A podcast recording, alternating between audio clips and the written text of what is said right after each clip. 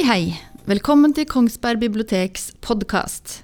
Jeg heter Siv Wyller og har et kurs i skapende skriving ved Kongsberg kulturskole for ungdommer. Her er første del fra Brage Nordin Hustvedt sin science fiction-historie SSB29, som han har jobbet med på kurset. Historien fortelles vekselsvis mellom Adrian og Lara, som er to hovedpersoner. Her får vi høre første del av historien. Følg med, den er mystisk og veldig spennende. Adrian.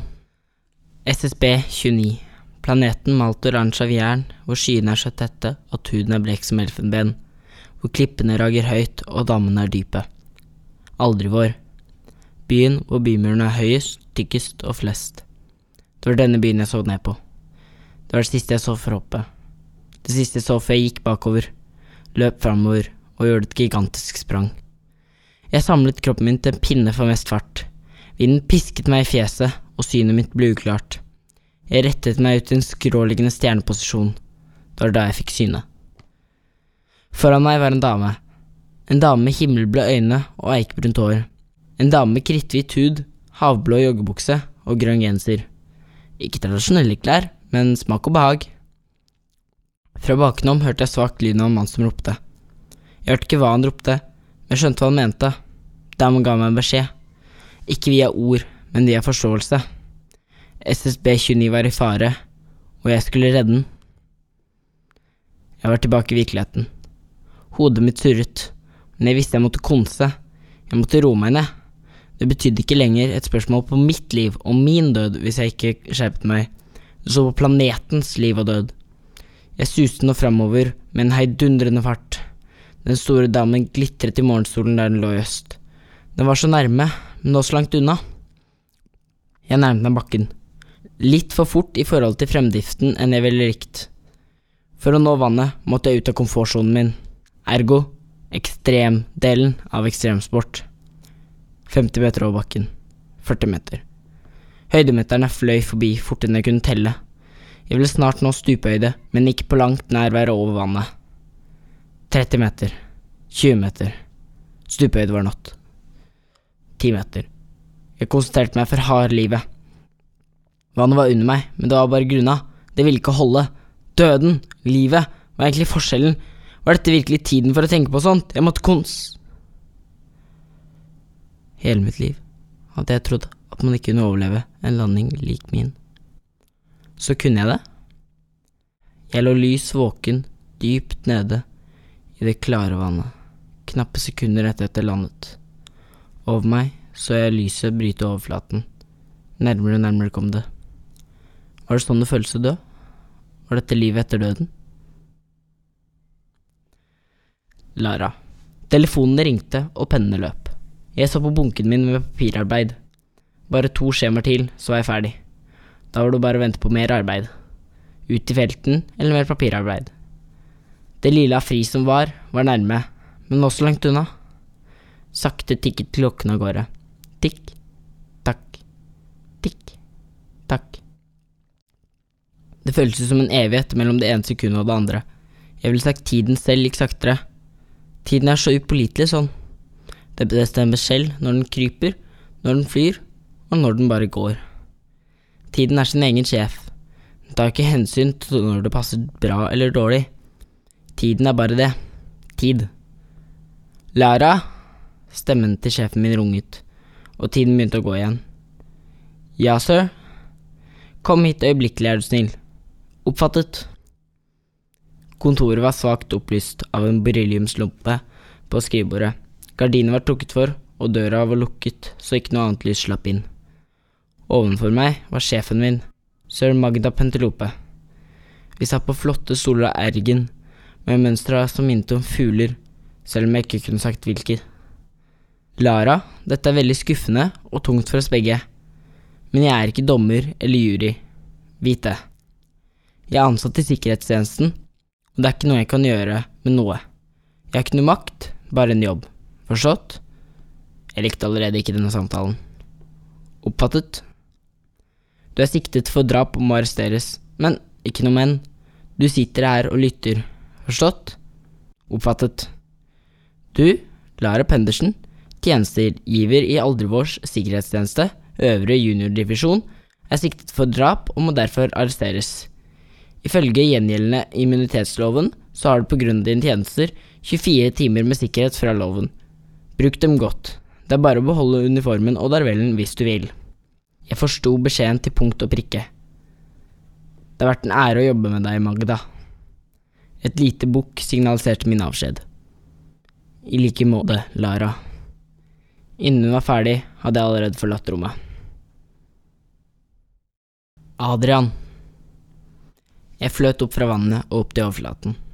Jeg kunne føle den kjølige vinterluften fylle opp lungene mine mens jeg gispet etter luft. Trenger man virkelig å puste når man allerede er død? Med store, lette tak svømte, nesten gled jeg mot bredden.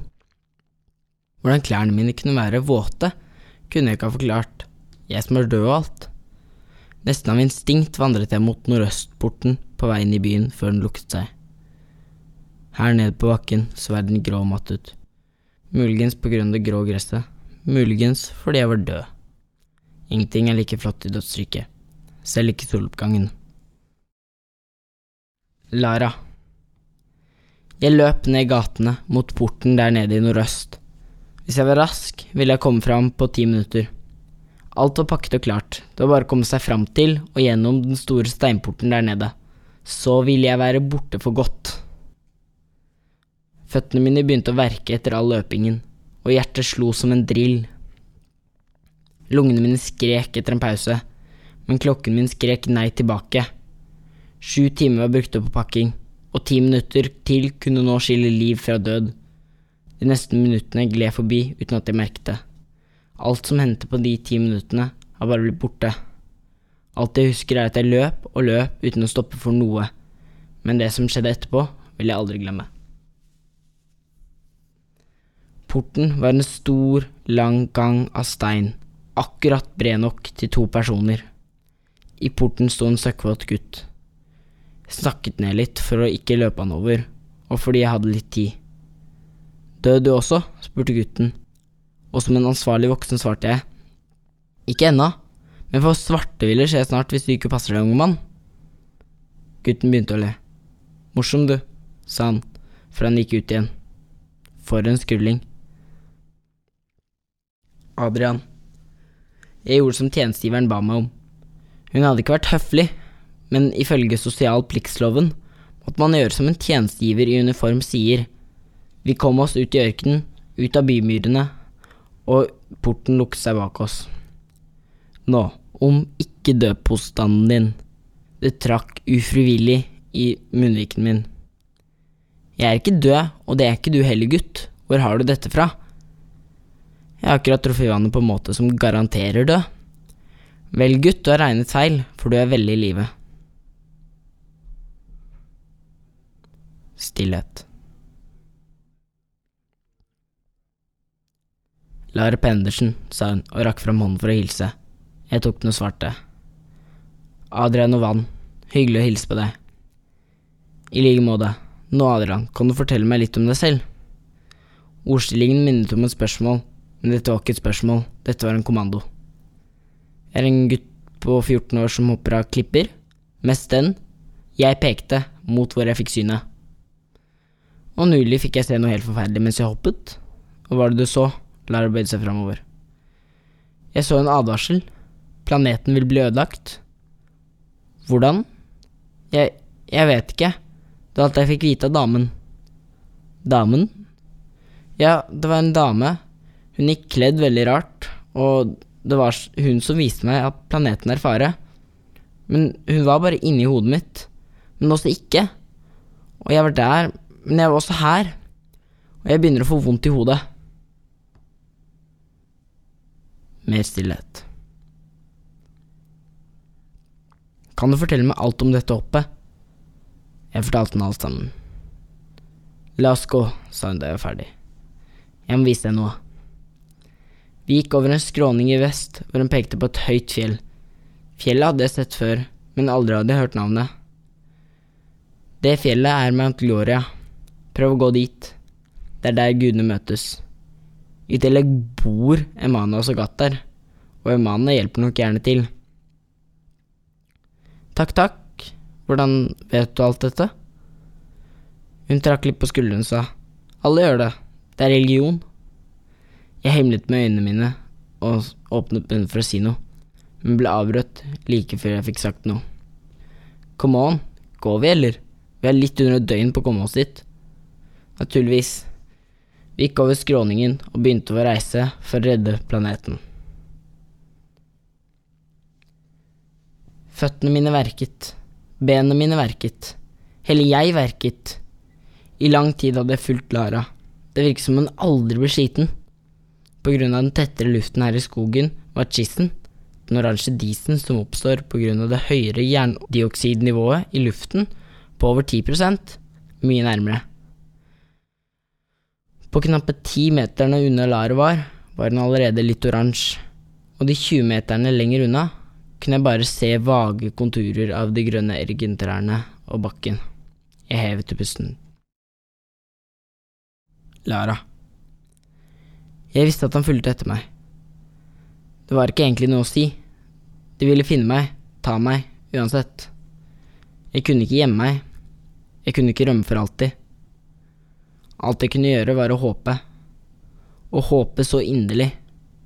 Men å håpe er ikke verdt noe. Det har aldri vært det. Med store anstrengelser endret jeg fokuset til føttene mine. Steg, steg, steg, steg, steg. Det neste steget kom ikke i tide. Verden sto stille rundt meg, hengende der livløst i løse luften. Tid. Verden hadde gitt meg mer tid, mer tid til å tenke. Forbannede verden. Når jeg ikke vil tenke, får jeg all tid i verden til det. Pust dypt. Dypere.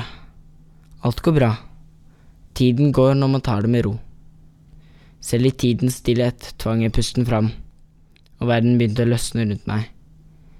Innen jeg fikk satt foten ned på bakken, gikk tiden. Adrian. I et lite øyeblikk, mellom ett steg og det neste, føltes det som noe skjedde. Ikke vet jeg hva. Ikke vet jeg om det faktisk skjedde noe men det føltes som noe skjedde. Noe stort. Jeg så meg rundt og lot merke til at Lara også sto helt stille. Et par raske steg, og jeg tok den igjen. Går det bra? Ja, sa hun tørt.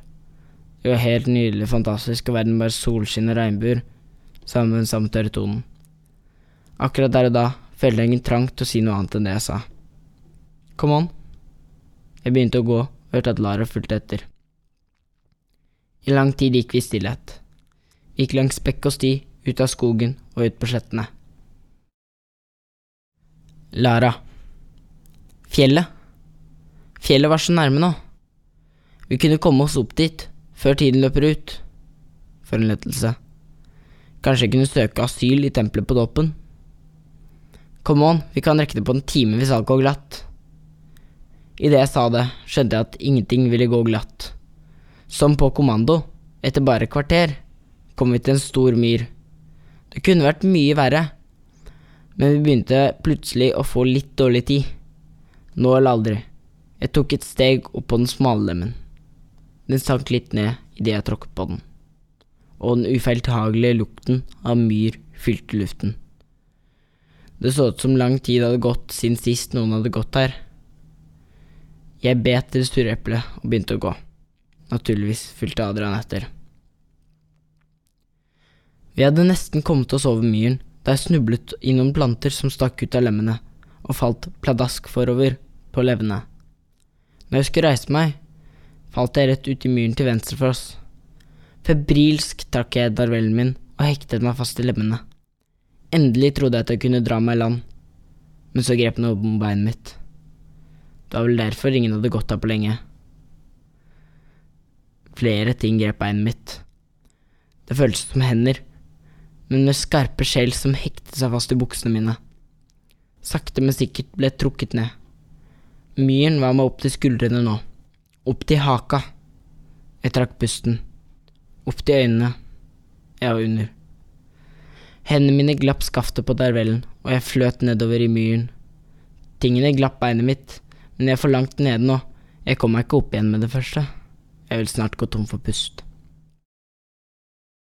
Adrian. Hun sank ned i vannet, raskere hun kunne reagere. Da jeg kom dit, var hun allerede nede i myren, og alt som var igjen av henne, var våpenet. Jeg tok det. Håndtaket var av lær, inngravert med diverse mønstre og symboler, og det lange bladet gikk fra en spiss med dobbelthake på tuppen, litt rett nedover, utover i en bue og inn til en krok. Det så ut som en darvel.